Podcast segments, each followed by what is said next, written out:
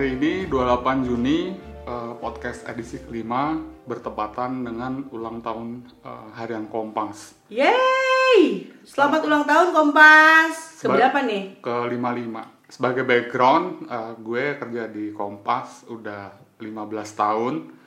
Gue inget banget dulu masuk itu Kompas lagi beres-beres juga sih eh, ulang tahun ke 40, 40. berarti ya 40 tahun 2005 masih di Surabaya zaman gue masuk. Jadi ya udah berapa tahun ya? 15 tahun dari umur udah hampir setengah hidup gue bareng sama Kompas dan melalui pasang surut ya, to be honest sekarang mungkin dalam kondisi surut seperti halnya media-media lain dan koran lain. Nah, ini yang akan menarik nih untuk dibahas karena belum lama juga eh, dengerin uh, Patriot Act-nya Hasan Minhaj juga baca, uh, bahas mengenai pentingnya media yang uh, mengangkat isu-isu yang penting. Nanti kita bahas sebentar ke belakang. Nah, bener banget tuh. Media kan sekarang banyak banget ya. Eh, sehari lu masih baca eh, itu nggak? Eh, koran gitu? Ya koran Kompas tentunya. Selain koran Kompas masih baca nggak? Kalau koran sih, be honest, kompas aja karena kita masih langganan dan masih diantar juga tiap pagi. Jadi tiap pagi masih buka. Kemudian ya Si karena bola itu udah nggak ada ya? Dulu kan lang- Ya. kayak ada yang ditunggu-tunggu gitu bola Betul, gitu. bola, bola udah nggak ada. Banyak sekali yang udah nggak ada dan paling koran lain kalau covernya menarik atau isu yang dibahas menarik, kadang-kadang gue baca juga koran Tempo. Jadi ini karena nggak di endorse Kompas. Eh, kita sebut mention media-media lain juga nggak apa-apa. Karena eh, latar belakangnya ini seperti yang dibilang Hasan Minhaj kemarin kalau koran itu nggak ada koran itu sat- satu media yang yang dianggap masih punya credibility yang tinggi majalah tuh udah banyak bertumbangan. Kalau koran nggak ada eh, si Hasan Minhaj ini khawatir orang-orang Amerika ini jadi eh, apa ya kayak illiterate tuh apa bahasa Indonesia Eh, Ya orang nggak paham kayak Ya. buta buta aksara gitu. buta terhadap isu-isu yang penting Iya. gitu. Ya sebetulnya fenomenanya ini udah kita rasakan di Indonesia ya. Banget, banget. Ini hari Minggu pagi kebetulan pas kita take, jadi eh, barusan kita olahraga dan di jalan itu astaga Tuhan banyak banget orang. Iya kemarin juga udah jadi bahasan di Car Free Day Jakarta banyak banget orang entah mereka baca atau eh, punya sensing terhadap social distancing, kekhawatiran eh, angka positif yang makin tinggi dan sebagainya kayak gitu atau tidak. Nah itu salah satu kita bisa lihat dari situ eh, urgensi literate lah istilahnya ya. Jadi Iya. mana hal yang penting, ma- mana isu yang penting, mana yang enggak. Nah di Indonesia ini Kita nih kalau ngomongin soal literate jauh banget lah ya. Kemarin gue terlalu terlalu some concern. Jadi ada satu community juga lagi mau mereka mau ngumpul, ngumpulnya sih cukup aman lah jalanin protokol. Tapi poin gue bukan itu. Concernnya kita itu eh, as a family kan kita jalanin PSBB dengan sebisa kita ya. Kita nggak pulang kampung, kita nggak pergi keluar kota, kita nggak nggak doing things yang memang dilarang selama PSBB gitu kan. Lu ngerti nggak? eh, ten- tentunya lu baca kan kalau satu bulan Juni aja tuh naiknya tuh 70% dari total kumulasi Maret ke Mei gitu loh. Artinya we are far from okay banget sebenarnya se- in, in apa in term of penanggulangan ya. Gitu. Seperti itu sih. Iya, kalau kita lihat eh, balik ke konteksnya, ya kenapa sih orang Indonesia itu susah banget diedukasi, banyak yang komplain begitu. Lu cuman butuh di rumah dulu, olahraga ya cari yang safe, nggak usah ngumpul, nggak usah lah ke GBK dulu for the sake of what, kayak gitu. Misalnya seperti itu. Nah, ini problem ini juga dialami di Amerika ketika koran itu banyak yang nggak ada sekarang kan. Orang tuh udah nggak baca koran lagi, paling di sana ada prominent newspaper New York Times, Washington Post, Boston Globe, tapi di di daerah-daerah yang uh, kota kecil atau apa kayak gitu tuh koran daerah itu udah nggak ada karena mereka nggak bisa self funding, udah nggak kuat lah. Sa- Sebenarnya ini industri yang uh, kalau dibilang sunset ya sunset gitu loh, tapi apakah masyarakat kita udah nggak butuh itu pertanyaannya karena memang eh, sekarang ini tipikal orang menganggap bahwa konten atau berita itu bisa didapat secara gratis. Iya betul. Jadi mereka nggak mau. Jadi eh, karena udah ada ada kayak repetitif eh, repetitif dia bisa dapetin apa apa gratis begitu required to pay itu jadi kayak berat ya walaupun nggak material gitu ya Betul. Tapi kalau kita lihat dari sisi content creator, ya lu kan content creator nih, Mam. Product creator juga. Kalau produk lu itu nggak dihargain, nggak nggak lu set untuk orang beli, dari sisi lu kan lu nggak pengen berusaha meningkatkan kan, nggak ada barnya gitu loh. Kalau lu selalu ng- ngasih freebies atau gratisan, pasti ada mentality, ya kan gua udah ngasih gratis pula Iya, gitu. betul, Jadi betul. sebagai produsen itu mentalitinya juga uh, freebies atau giveaway nggak akan total juga sebagai konsumen ya lu juga nggak punya banyak pilihan karena itu yang tersaji gratis Betul. nah begitu juga itu yang terjadi dengan informasi sebenarnya kenapa ini jadi uh, membahas hal yang penting nggak penting? Ketika uh, koran atau media itu sinking kayak gitu konten kreatornya kan juga akan uh, tenggelam. Betul. Koran itu nggak bisa lagi hire orang untuk bikin konten atau untuk mencari informasi atau apa atau bayar wartawan lah put- to put it simple kayak gitu. Akhirnya media-media itu akan pick up istilahnya. Jadi karena dia nggak bisa ngirim wartawan dia akan uh, pick up. Kalau masih punya duit dia akan ambil wire dari Reuters dari AFP atau dari apa yang mereka essentially ngirim wartawan juga. Tapi itu mahal. Lama-lama mereka akan pick up informasi yang gratis juga. Dari mana? Dari yang disediakan oleh si sumber informasinya. Iya iya iya. Contohnya begini. Jadi udah hands keberapa gitu ya langsung justru tapi langsung eh, contohnya begini itu kenapa sebab eh, sekarang ini banyak banget berita kita didominasi oleh berita selebritis. Karena si selebritis ini sumber informasi yang pertama kan dan mereka menyediakan gratis. Misalnya si artis A lagi ke liburan ke Bangkok dia eh, upload foto di Instagram. Itu bisa jadi berita kan media yang malas kirim wartawan atau apa kan ya udah aku bisa pick up gitu Baik, dan itu banyak banget ya banyak banget yang banyak gitu. banget dan hampir semua informasi itu bersumber dari informasi gratis. Masalahnya adalah hal kenapa berujung lagi ke hal yang penting. Justru aktivitas-aktivitas yang penting, penting dalam tanda kutip maupun penting beneran, itu biasanya dirahasiakan. oke For example, korupsi. Nggak Iya. mungkin dong, gue Iya. korupsi terus publish di Instagram terus di media Benar. pick up. terus Atau terus juga eh, ini ya kayak agenda-agenda apa eh, hukum ag- agenda politik, hukum dan sebagainya itu pasti diem-diem. bisa di-engineer juga jadinya beritanya Betul. Jadi, disajikan secara iya. gratis untuk orang akses gitu. Ya ini ini memang memang bener banget sih maksudnya gua eh, at some point kita tuh sebagai community gitu ya mesti berpikir how to sustain good things for the community sih at the end ya enggak sih. Salah satunya mungkin sumber apa literasi berita yang kredibel ini memang harus diselamatkan dalam tanda kutip tuh bersama-sama ya enggak sih? terutama koran daerah sebenarnya yang kita gawat gitu. Jadi Indonesia ini mengalami satu gagap demokrasi. Artinya kita eh, menerima paham demokrasi dan masyarakatnya belum siap tapi dipaksakan cepat harus berakselerasi.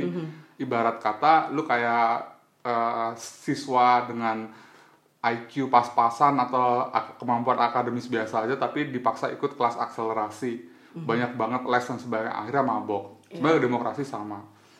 Nah, terus yang kedua adalah mabok digital. Ini kerasa banget kalau di daerah. Di daerah itu enggak juga sih, Pak, enggak di daerah juga. di Jakarta juga ya. Parah sih. Misalnya kayak gak tau ya, let's just be honest with your circle of friends. Mhm. How come they don't misalnya gini, kalau kita ngomongin satu yang penting ya, mereka tuh kayak ah, emang harus pusing itu ya, ngerti nggak? Sesimpel ini mam contohnya pasti di, di kasus lu banyak juga. Kenapa gue bilang di daerah?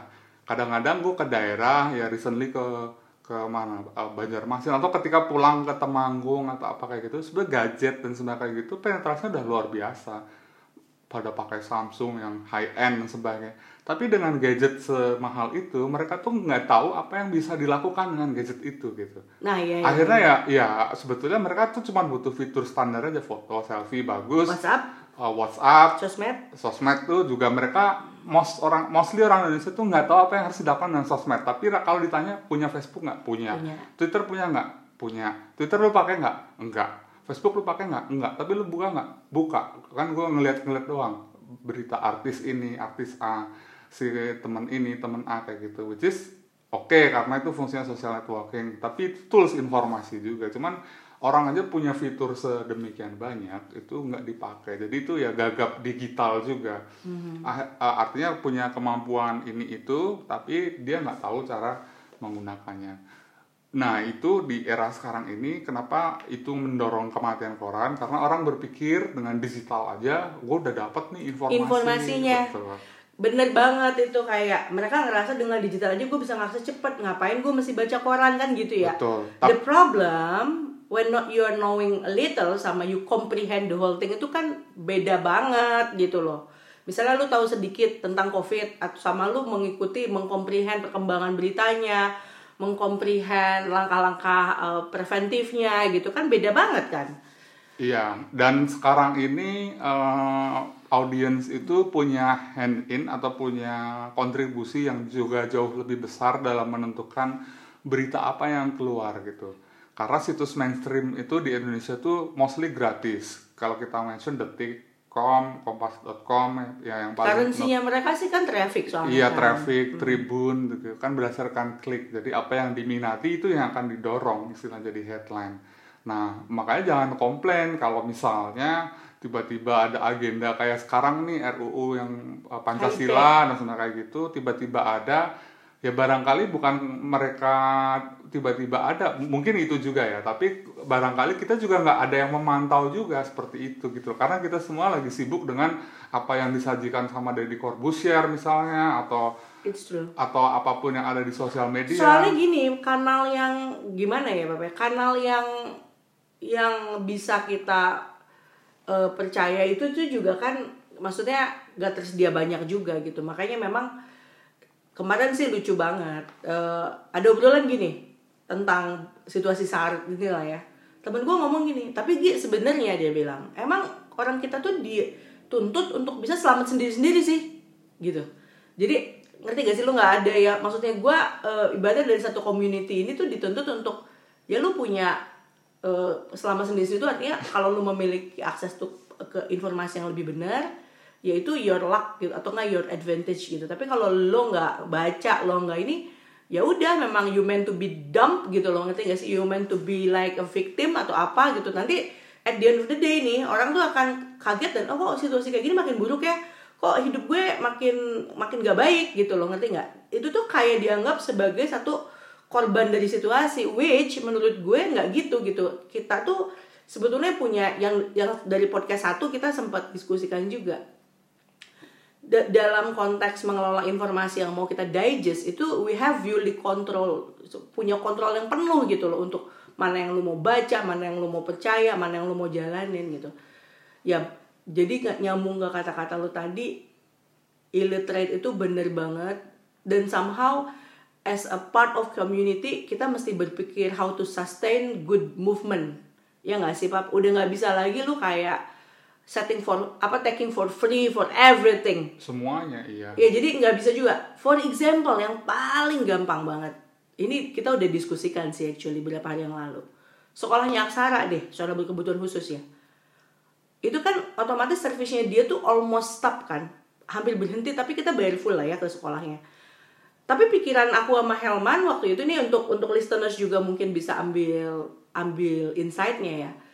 Kita kita memutuskan untuk nggak stop dulu. Eh, actually painful ya in term of eh, apa financially ya. Iya dong secara finansial kita cukup ah keluar karena karena relatif mahal gitu kan sekolahnya. Tapi kita mikirnya gini kalau sekolah ini nggak nggak survive at the end of the day tuh orang tua dengan anak berkebutuhan khusus kayak kita ini yang lebih terkena dampak jangka panjang gitu loh. Jadi karena kita berpikir how to sustain the movement the availability of the service in the future gitu ya kita nganggap bahwa sacrifice kita in, berbayar itu ya papa ya sebagai trade, trade apa namanya Maintain. bentuk dukungan kita gitu loh untuk maintain gitu Betul. Jadi eh, semua apa hal yang punya dampak ke kita sebenarnya ya itu tadi ujung-ujungnya kan itu berangkat dari orang bisa memetakan mana yang penting, mana yang enggak. Apa ya istilahnya tuh kemarin ada sih pakai dia memakai literate literate begitu. Kemudian ya contohnya kayak tadi contoh mengenai apa inklusif berkebutuhan khusus karena kita butuh mungkin ya. Jadi mungkin ini relate ke kita. Kita butuh juga ins- institusi yang nanti akan menyediakan atau membantu anak kita gitu. Makanya kita ya udah ini tu- terus kita maintain aja bayar. Meskipun manfaat yang kita dapatkan selama pandemi ini relatif minimal banget lah. minim ya It- tapi itu apalagi dari sisi waktu ya betul. sisi itu waktu. harus kita maintain kita jaga supaya dia tetap running dan nggak tutup nah sebetulnya alasan yang sama juga dengan gue karyawan di Kompas sebetulnya gue bisa dapet koran gratis just to go to the office ya gua tapi dapet. kita tetap memilih untuk mem- membayar ya kita karena tetap uh, sebagai individu gue langganan di rumah orang tua langganan bayar. Kemudian di Kompas itu ada servis Kompas ID itu servis apa media Digitalnya, online tapi berbayar itu di, di kantor gue juga dapat. Cuman ya gue juga bayar sendiri dengan dengan dengan apa langganan sendiri. Kenapa? Karena ya untuk sustain itu sebetulnya Betul. untuk mekanisme support. To be honest gue nggak bisa bayangin kalau kayak Kompas atau Tempo itu nggak ada gitu ya. Di tengah Indonesia tadi yang dibilang ke konteks yang pertama gagap demokrasi kayak gitu kalau kita lihat kecenderungan kayak sekarang pemerintah atau eh, maybe not pemerintah tapi oknum yang ada di pemerintah itu tahu banget ini kita gagap digital dan gagap demokrasi Asli. itu karena kalau ada akhirnya isu yang dibikin apa, tuh yang dibikin tuh yang yang nggak masuk akal. pasti sensasinya itu yang remeh temeh. Ya teman-teman mungkin bisa mengamati lah kenapa bisa keluar kasus penggerbekan prostitusi online video porno beredar gosip artis ini selingkuh itu selalu atau penangkapan artis narkoba itu selalu di blow up pada momen-momen pada seperti apa momen-momen yang Iya, please do Yes. research dan trace it gitu loh. Ada momen apa? Itu tuh semua by skenario. Jadi ya ya terus ada apa yang kemarin tuh ada ada stand up komedian yang di- tiba-tiba diserang dengan buzzer dan sebagainya gitu. Karena yang nyerang itu sama yang dikritik si stand up komedian ini tahu gitu loh bahwa masyarakat kita tuh gampang nih di diombang-ambingkan. Di Bener berita yang banget, bener konten yang banget. salah atau yang keliru atau yang mendukung satu legitimasi tindakan yang uh, keji atau salah. Padahal dipikir-pikir ya kalau lu pikir-pikir dengan baik gitu ya. Apa sih yang salah dari si stand up comedian itu? In fact, they uh, he make a very clear and apa ya? Konteksnya tuh tepat banget jadi kegelisahan masyarakat yang banyak gitu yang nggak bisa bersuara atau ya bersuara tetapi nggak punya reach sebesar dia gitu ya kan? Apa yang salah gitu dipikir-pikir pakai common sense kan? Ya, tapi itu mudah di mudah di itu gitu dan uh, oke mungkin nggak selamanya benar tapi yang dibilang uh, jering dan sebagainya gitu mengenai kita masih kritis terhadap covid pandemi dan sebagainya. Itu mungkin ada benarnya tapi ya sekali lagi itu bisa dengan mudah tinggal diimbangi aja dengan serangan ke Yes. jering dan karena nggak ada media yang mau cross check uh, atau atau Bener, apa bener, bener, yang menganggap isu itu mungkin secara strategik itu bagus ya akhirnya yang muncul di permukaan ya ya kayak sama kayak fenomena kaum bumi datar dan sebagainya gitu. Kenapa muncul seperti itu? Nggak pernah dibahas. Karena itu tadi beberapa orang. Ini kejadian juga di Amerika. Jadi banyak yang tadi nggak nggak punya apa agak-agak eh, illiterate di hal-hal yang penting sehingga mereka bisa dengan gampang disusupi dengan informasi-informasi yang gratis ini dan mereka dapetin gratis. Dan buat mereka itu eh, jadi salah satu source informasi yang dipegang kredibel karena mereka nggak dapat asupan informasi lain jadi nggak banyak. Kasus Iya. yang di bawah Hasan Minat contohnya kasus Jeffrey Epstein. Kalau ada yang udah nonton dokumenternya di Netflix ini mengenai jaringan pedofilia internasional yang eh, apa diduga melibatkan banyak banget orang-orang terkenal. Hmm. kayak gitu. Jadi tiba Jeffrey Epstein ini ketangkep.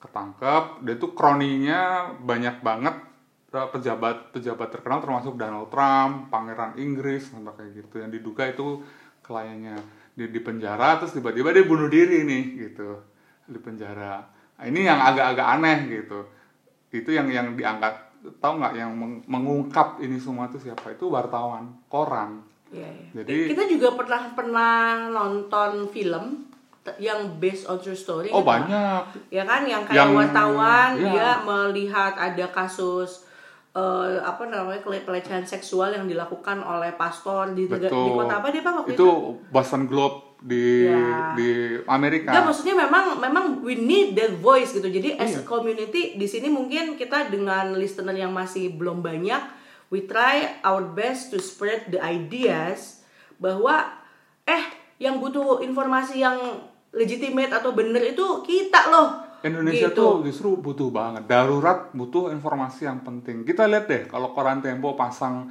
covernya Jokowi dia mengkritik Jokowi dengan Ya ilustrasi habis itu ada surprise langsung kan. betul pasti langsung diserang pasti langsung ditekan kan aneh ya maksudnya kalau itu nggak nggak punya maksudnya alat kontrol yang nggak dibangun oleh pemerintah kan pasti nggak akan seperti itu gitu. Orang yang kenyataannya memang demikian maksudnya gini loh pak kita kalau nyambungin satu fakta-fakta lain itu kan kayak gampang di trace nya gitu. Jadi untuk mencapai satu kesimpulan gampang ya. Tapi kayak kenyataan itu tuh di di cover abis-abisan di blur abis-abisan gitu loh ya kan. Untuk orang-orang yang memiliki kekuasaan.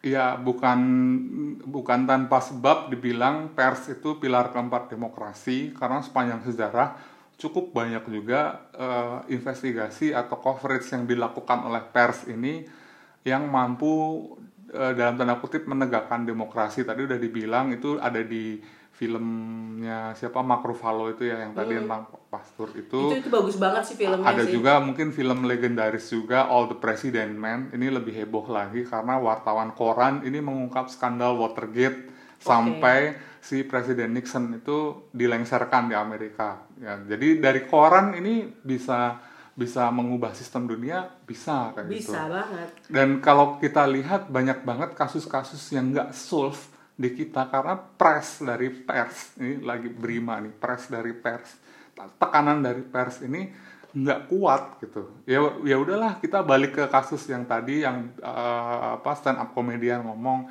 kasusnya novel gitu. Siapa sih yang neken gitu ke pemerintah atau ke institusi untuk bener-bener ini mbok ya dipikirin Tolong, serius iya iya iya. At the first hand, Koran Tempo Benar. bikin cover yang sangat menggugah. Kompas kemarin sampai bikin jajak pendapat mengenai citra KPK yang di titik terendah sepanjang ada KPK ini sekarang di Ada eranya Firly Bahuri. Bahuri. Firly Bahuri sih parah sih. Ini harusnya alarm eh, buat kita, maksudnya eh, bahwa memang kita tuh sangat butuh sekali terhadap eh, institusi atau lembaga yang memang mau berdarah-darah untuk bikin konten. Bener.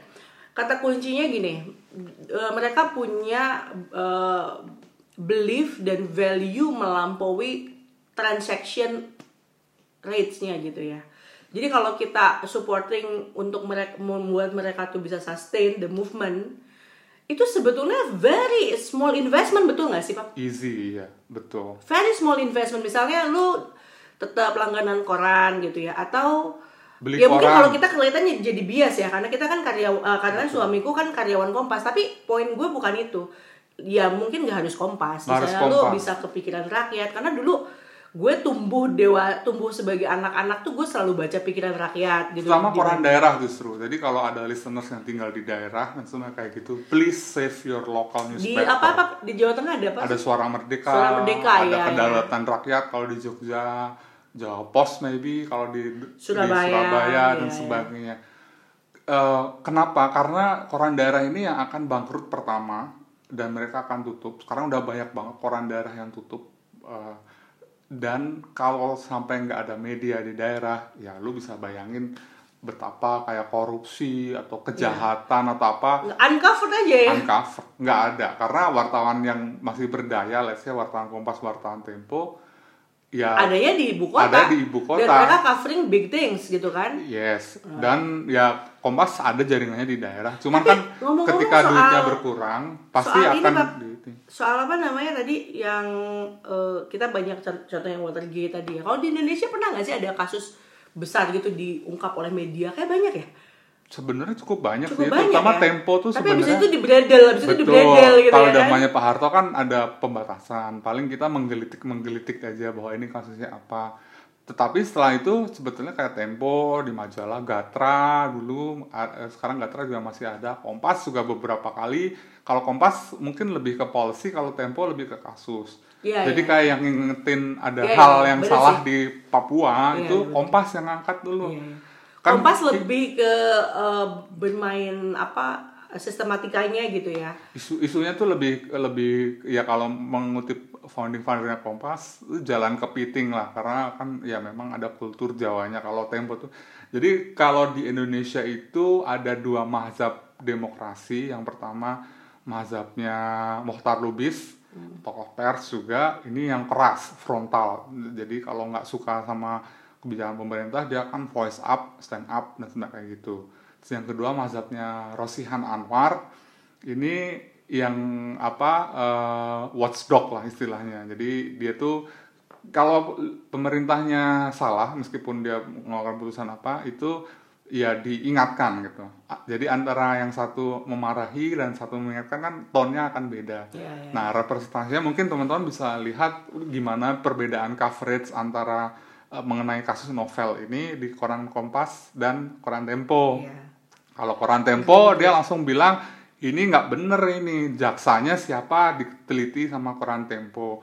Kemudian latarnya siapa diteliti sama koran Tempo. Sambil diingetin ini ada yang salah dengan kasus ini.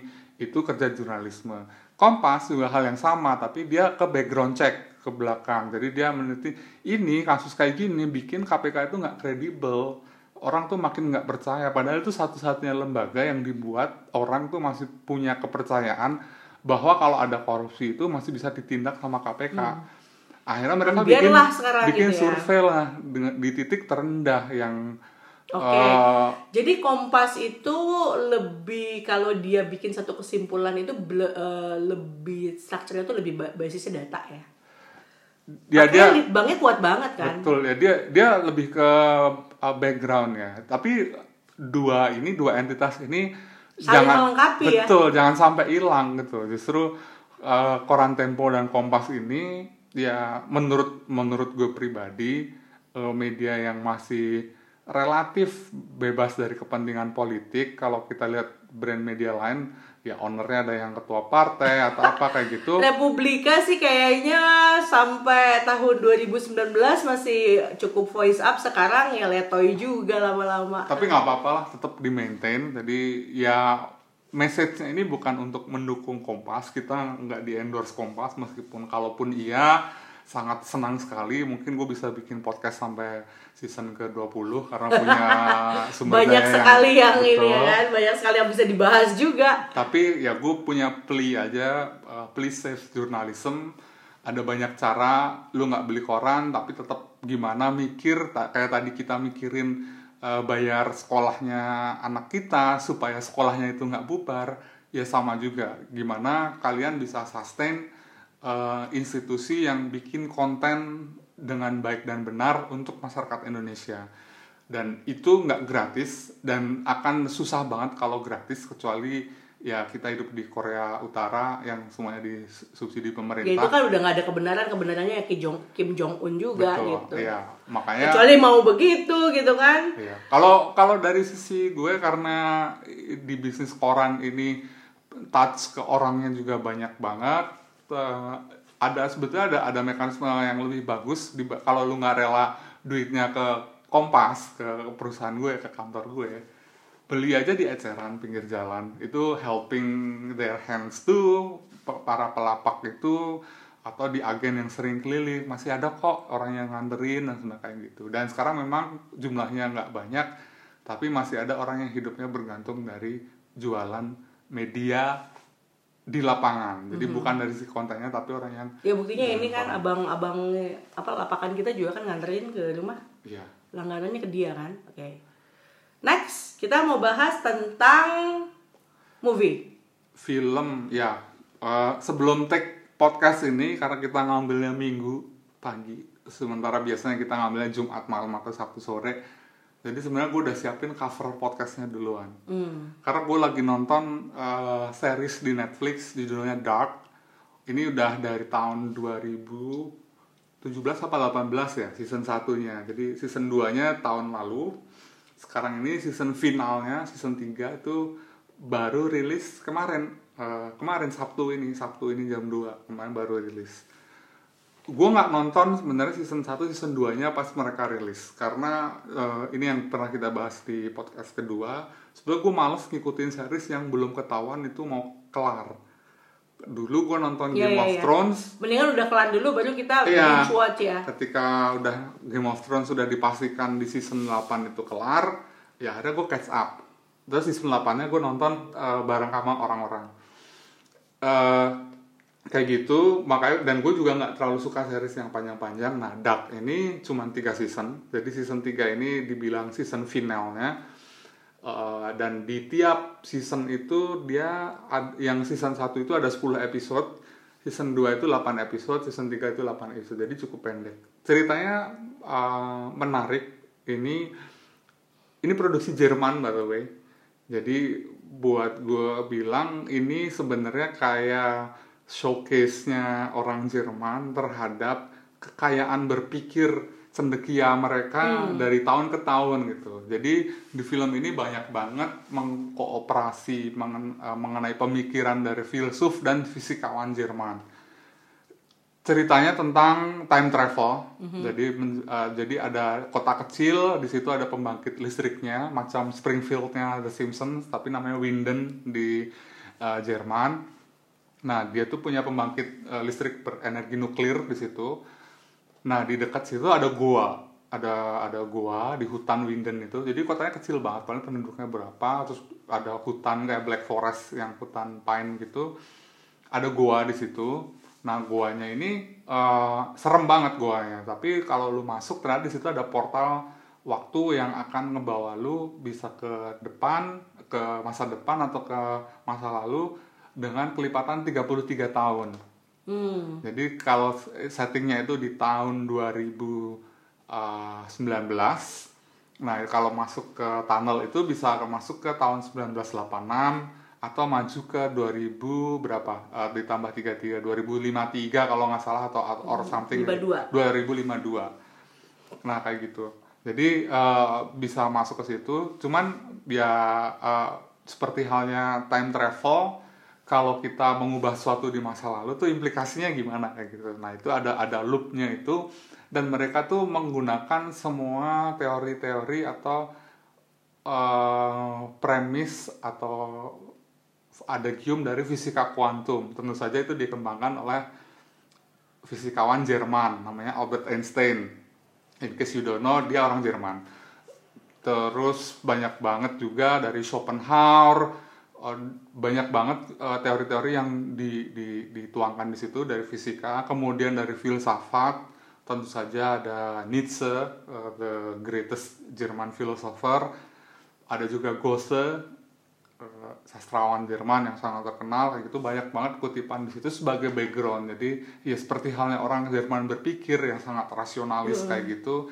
Banyak di di film itu eh, core temanya selain tentang time travel adalah mengenai science versus religion mengenai apa namanya sebetulnya konsep ketuhanan dalam fisika itu seperti apa. Jadi banyak banget background yang sangat menarik termasuk ya filosofi juga mengenai ya kita hidup di masa sekarang tapi masa lalu dan sebagainya gitu. Jadi itu seriesnya pendek dan sangat menarik dan cukup menegangkan juga. Dan makin seru sih so far sih di season terakhirnya ini gue baru nonton Bing watching semalam nggak kuat itu sampai episode keempat dari 8 episode jadi belum kelar cuman ya itu lagi gue tonton Ya worth it untuk diikutin lah ya. Ya, karena itu pendek juga, cuman tiga season. Maybe you can catch up or uh, nonton yang lama-lama itu juga seru. Itu dark season. Gue sih lagi nggak nonton apa-apa sih. Lagi nggak nonton apa-apa. Tapi gue memang lagi banyak banget. Oh lagi nonton apa-apa sebetulnya. Tapi tapi nggak movie gitu. Lagi banyak banget nonton di YouTube tentang podcast. Kayak gitu-gitu lah ya. Dengerin podcast gitu lah. Lari dengerin podcast. Lari dengerin podcast ini Enak seru banget. juga. Enak banget itu parah sih. Menurut gue even better than dengerin musik Betul. karena uh, it's stimulating your toes Uh, lu bisa uh, lu bisa kayak komunikasi kayaknya nggak gitu deh tiba-tiba misalnya kok kayaknya oh bener juga ya oh kayaknya ini terus lu kayak udah nafas lu habis like 5 kilo lari habis itu nafas lu kan udah mulai tuh kalau gue ya udah mulai tiba-tiba lu kayak kesimpulan-kesimpulan di kepala lu tuh bermunculan gitu secara saintifik juga sebetulnya lari sambil dengerin podcast itu relatif lebih stabil untuk lu lari jarak jauh sebenarnya. Karena kita eh, pikiran kita tuh occupied. Karena gini, kalau kalau lu lari dengan musik itu secara nggak sadar ketika lu blank itu irama tubuh lu akan ngikutin beat musik. Jadi dan biasanya kita nyetelnya itu lagu-lagu yang beatnya kenceng. Jarang banget orang lagi lari nyetel lagu mellow kan. Biasanya lagu yang beatnya kenceng. Secara nggak sadar irama di tubuh lu itu akan ngikutin RPM-nya musik itu. Jadi Oke, kalau misalnya lu sih. lu dengerin musik metal, Slipknot kayak gitu, ya lu larinya makin kenceng. Nah, itu bikin cepet capek sebenarnya. Makanya kalau di playlistnya, kalau di aplikasi kayak Nike Run Club yang gue pakai, itu playlistnya udah di- udah dibentuk tuh sama sama mereka disesuaikan dengan RPM-nya. Jadi ketika lu mulai, lu slow starting, beatnya naik, naik, naik, naik, RPM-nya turun. Kalau kita ngatur sendiri kan enggak, kalau dengerin musik, sebenarnya itu cepet capek. Ah, di lain sisi kalau podcast itu relatif datar karena dia orang ngomong kan. Orang ngomong, your thought are provoked but beat not gitu. Jadi sebetulnya pace-nya tuh stabil, lu bisa maintain sendiri dan relatif kalau untuk lari jarak jauh lebih nggak kerasa. Lebih nggak kerasa karena pikiran lu occupied, lu kayak mikir banyak hal gitu ya. Iya. Misalnya lu lagi dengerin sesuatu yang lagi relate sama yang lagi lu pikirin terus lu kayak iya juga ya, bener juga ya. Tiba-tiba udah nyampe mana gitu titik-titik kritikal di mana kalau kita tuh ngerasa bakal udah mulai capek nyampe titik itu tuh ternyata kok masih kuat ya, masih kuat ya gitu. Sebenarnya sama kayak di jalan aja kalau di kereta atau apa terus ada teman ngobrol kalau kita ngobrol yang asik kan nggak kerasa tiba-tiba oh kok udah nyampe Bener, sini that's nah, lari juga Karena sama occupied itu ya tetap ya. Nah gue lagi suka banget eh, mungkin dari episode pertama juga gue udah banyak mention sih nama dia nama Seth Godin. I like him uh, the way he told uh, told of, of things ya tapi nggak semuanya gue setuju. Jadi gini loh, eh, maksudnya dia sebanyak banyak idenya gitu yang dia lempar, lempar, lempar banyak banget yang menurut gue ini bener banget nih. Tapi banyak juga yang gue nggak setuju gitu. Jadi menariknya itu eh karena karena kita tuh bisa reasoning as a human being gitu loh, lo nggak ngerasa terintimidasi kayak harus ngikutin sabda dia gitu tau gak sih? Nah itu yang menarik banget. Recently gue lagi dengerin banget podcastnya dia namanya Akimbo ada dia bikinnya setiap minggu kayak kita juga dia, tapi lama-lama kayaknya ada beberapa yang pakai guest podcast gitu loh. Oh, tapi awal ini gue lagi masih baru nyisir dari episode-episode awal gitu. Asik lah. Akimbo itu membolak-balikan tentang konteks aja gitu. Akimbo itu nama podcastnya? Nama podcastnya Akimbo gitu. tapi itu berbayar? Spotify-nya berbayar bos. Oh Kalau oh tapi dia bukan dia ya. nggak nggak berbayar masa nggak kayak. Inspigo gitu kan lu kan juga pernah tampil juga di Inspigo Iya. salah satu podcast berbayar di Indonesia Iya, kalau Inspigo itu curated ya. curated Uh, curated konteks itu gue waktu gue syuting in- Inspigo juga sama Willen sama UKM Indonesia itu kayak nggak boleh salah gitu terus kualitas kualitas podcastnya tuh harus sebagus standarnya mereka sampai mic tuh dianterin gitu loh demi dapetin output quality ya gitu kalau Inspigo tapi kalau Akimbo gue dengernya di Spotify sih. Hmm, itu. Inspigo itu tadi nyambung ke bahasan kita pertama to produce quality content takes cost. Tax cost truly karena eh, bener banget waktu yang pas syuting itu kan beneran dia mastiin kualitas suaranya. Itu kita sampai postpone kok karena, Karena? ada satu counterpartnya kita tuh yang harus jadi pembicara juga tuh bener-bener nggak bisa. Pakai notebooknya dia sama handphonenya dia tuh nggak bisa generate eh, benchmark quality-nya si Inspigo. Akhirnya dianterin dulu itu eh, mic atau apa gitu toolsnya ke rumahnya si ibu ini. Ya memang Ke Bu harus Hilda. begitu sih. Ya, maksudnya- apa lagi yang lu dengerin man yang lain selain Eh, Akimbo? kemarin tuh ada satu ada satu yang menarik tuh tentang entrepreneur di Kanada. Gue lupa namanya tuh bianes tapi dia ngejelasin tentang eh, apa ya dia ngomongnya lebih ke gini sih eh dia itu punya beberapa toko karena gue lagi mau buka toko kan. Terus dia mulai memetakan tuh eh, bagaimanapun juga lu berusaha bikin apa eh, menjalankan satu bisnis bisnis tokonya ini tuh tetap aja yang paling penting tuh mental lu gitu. Ngerti gak jadi maksudnya dia tuh lebih ke sebenarnya eh, showcase itu is just a showcase. Untuk bikin ini rame atau enggak tuh mental lu dan mental itu akan tertranslate ke dalam energi produk-produk lo dan ke translate ke dalam energi orang-orang yang ada di situ. Dan itu yang menjadikan sustainable atau enggaknya tuh perbedaannya di situ dia bilang. Nah itu jadi kayak oh ya udah berarti begini lah ya. Karena buat gue ini kan thrilling experience lah thrilling experience karena kayak belum pernah aja seumur umur gue seumur hidup gue punya toko.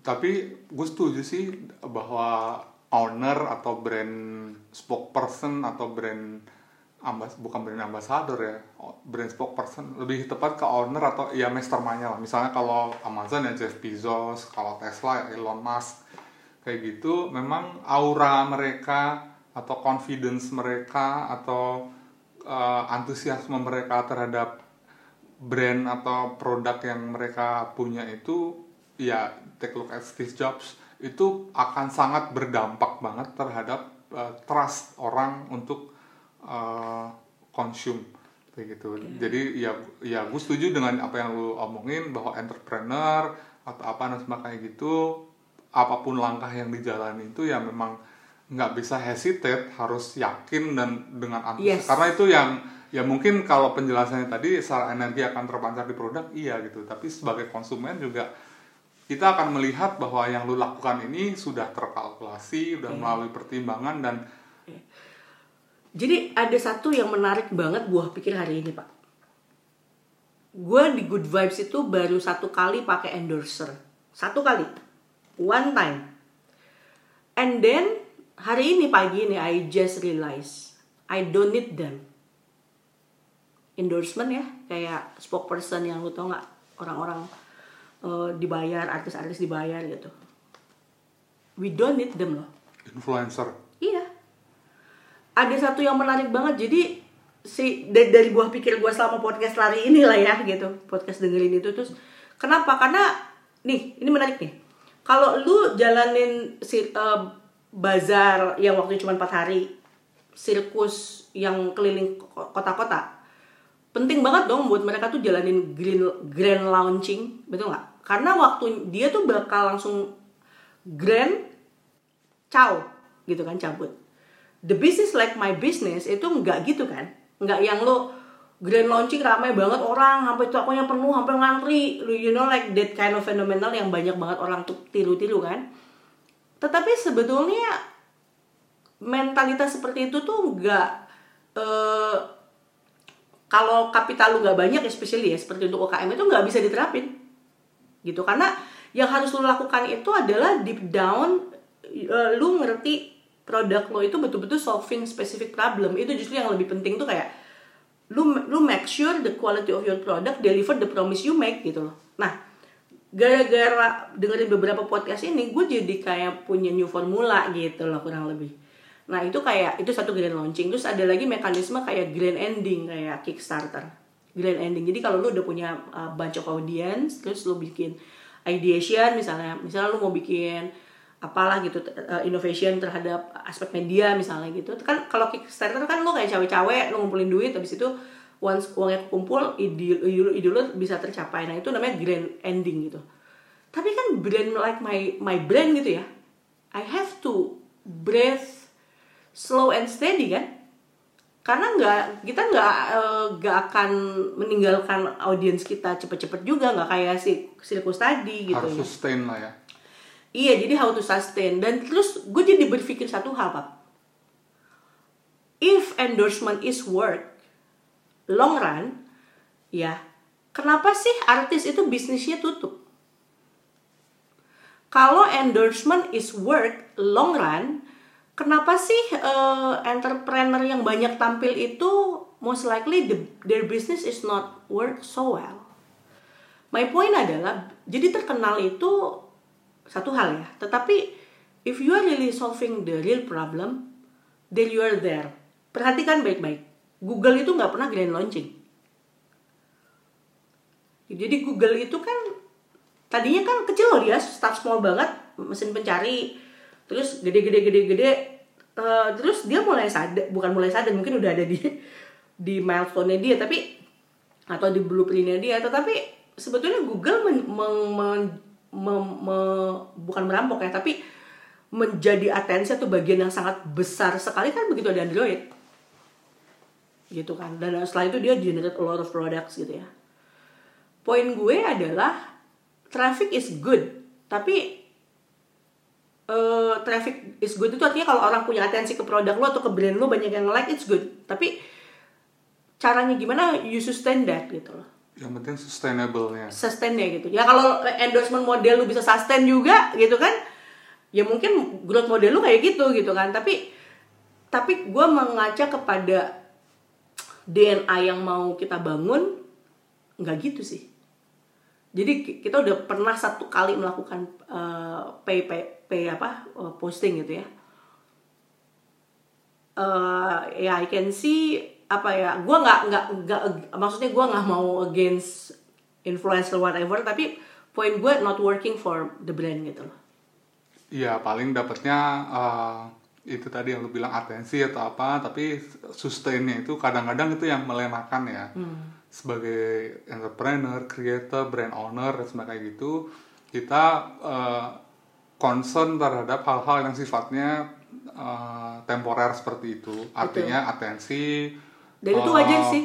Kadang-kadang kita kan kayak deg-degan juga ya pak. Aduh gila nih sales turun gitu kan kayak apa ya itu it happens all the time lah tapi setelah gue pikir-pikir kan kayaknya sales turun sales naik sales ya, turun mungkin sales naik gitu. learningnya gitu. tadi ya memisahkan antara apa tactical mm-hmm. antara campaign yang sifatnya short term kayak tadi misalnya lu ada big bang event ada apa yang cuma beberapa hari dan yang sifatnya strategik atau long long term campaign nah, itu mungkin uh, pendekatannya juga beda. Betul. Artinya kalau lu nge-build brand dengan menggunakan pendekatan taktikal, ya uh, you can be bleeding aja karena lu akan selalu ibaratnya uh, muka lu mungkin biasa aja tapi lu selalu bedakan mau sampai tebel banget kayak gitu. That's eh itu analogi yang kece bener.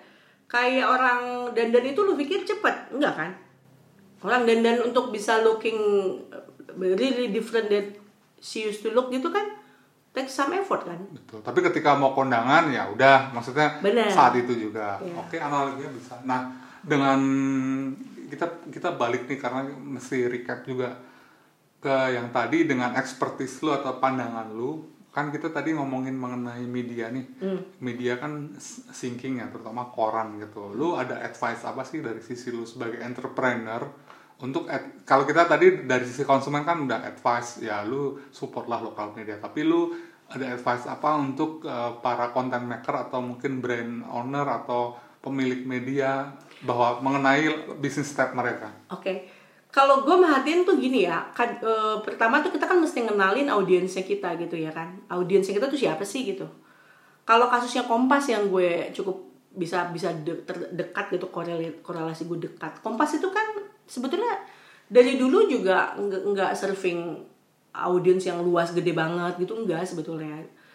E, Kompas itu ningrat bukan ningrat ya tetapi well educated gitu ya di di tatanan itu. Kalau gue ngelihat bisnis menurut gue nih ada yang menarik gini mungkin kalau Kompas punya melihat apa sih namanya kan punya kekuatan lah bikin CEO volume dan lain-lain itu tetap dilakukan tapi yang Kompas menurut gue nggak seberapa efektif lakukan itu bangun community-nya gitu. Bangun community-nya si Kompas Leader ini itu yang yang gue nggak ngelihat ada ada ada apa upaya yang sustain.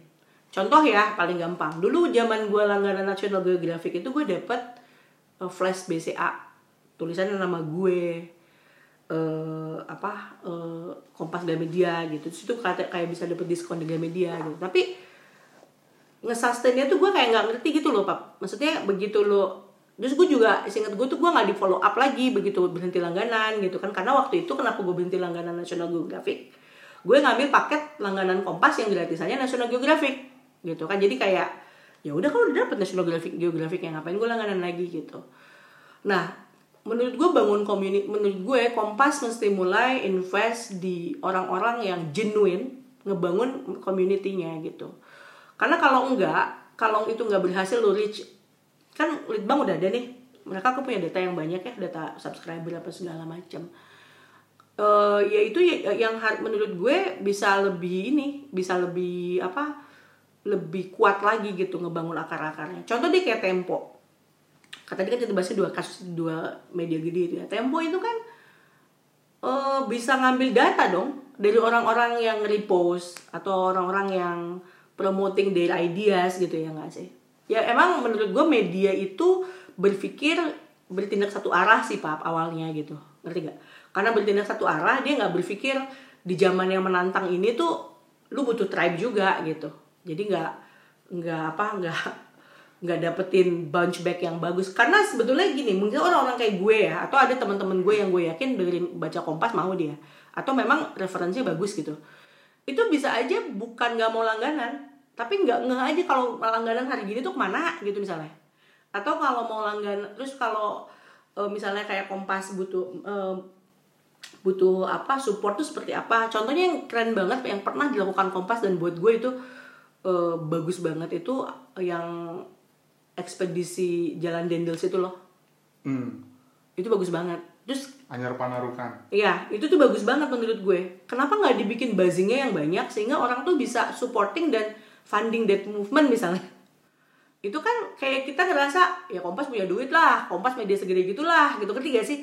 Nah maksudnya gue turunlah dari kayangan and be human gitu loh.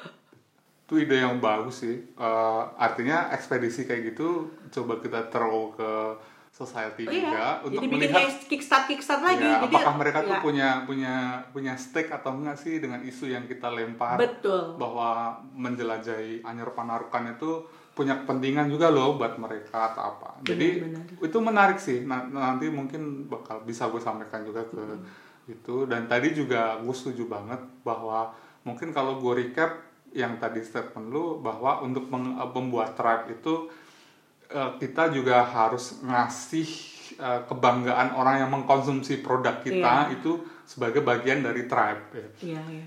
Ya mereka feel engage aja gitu. Ya tadi kan lu contohnya dapet kartu tuh, dapet kartu apa Dan gue sampai sekarang pakai itu pak. Walaupun udah udah nggak bisa dipakai ya karena si itunya udah rusak gitu loh. Gue inget satu hal ya dulu tuh dulu tuh eh, banyak banget mobil-mobil seliweran yang menurut gue cool itu adalah ketika mereka punya stiker namanya Kompas Readers Community. Itu tahun 2004, 2005 or something kayak gitu. Eh, Masa-masa gue belum bisa bawa mobil, selalu lihat di depan gue. Cuman gue ke- kepikiran juga yang memang eh, inside story-nya sepertinya memang eh, readersnya ini nggak dikasih pride apa-apa bahwa mereka tuh sebagai bagian dari brandnya itu. Dari brandnya dan dari good cause gitu, dari Iya, great cause. ah, itu tadi tadi itu ide yang sangat brilian sekali untuk untuk melempar stake-nya ke masyarakat mungkin bisa jadi ide tapi ini juga juga berlaku juga untuk brand lu atau any brand kali ya mungkin bahwa mereka harus uh, giving Iya, giving artisan mentality-nya tuh bisa dibangun gitu loh, Pak. Ah, iya. Balik lagi. Lu lihat aja mah yang dilakukan narasi TV sebetulnya. Narasi TV itu kan gini deh, narasi TV sama dengan Na- Najwa Shihab gitu kan.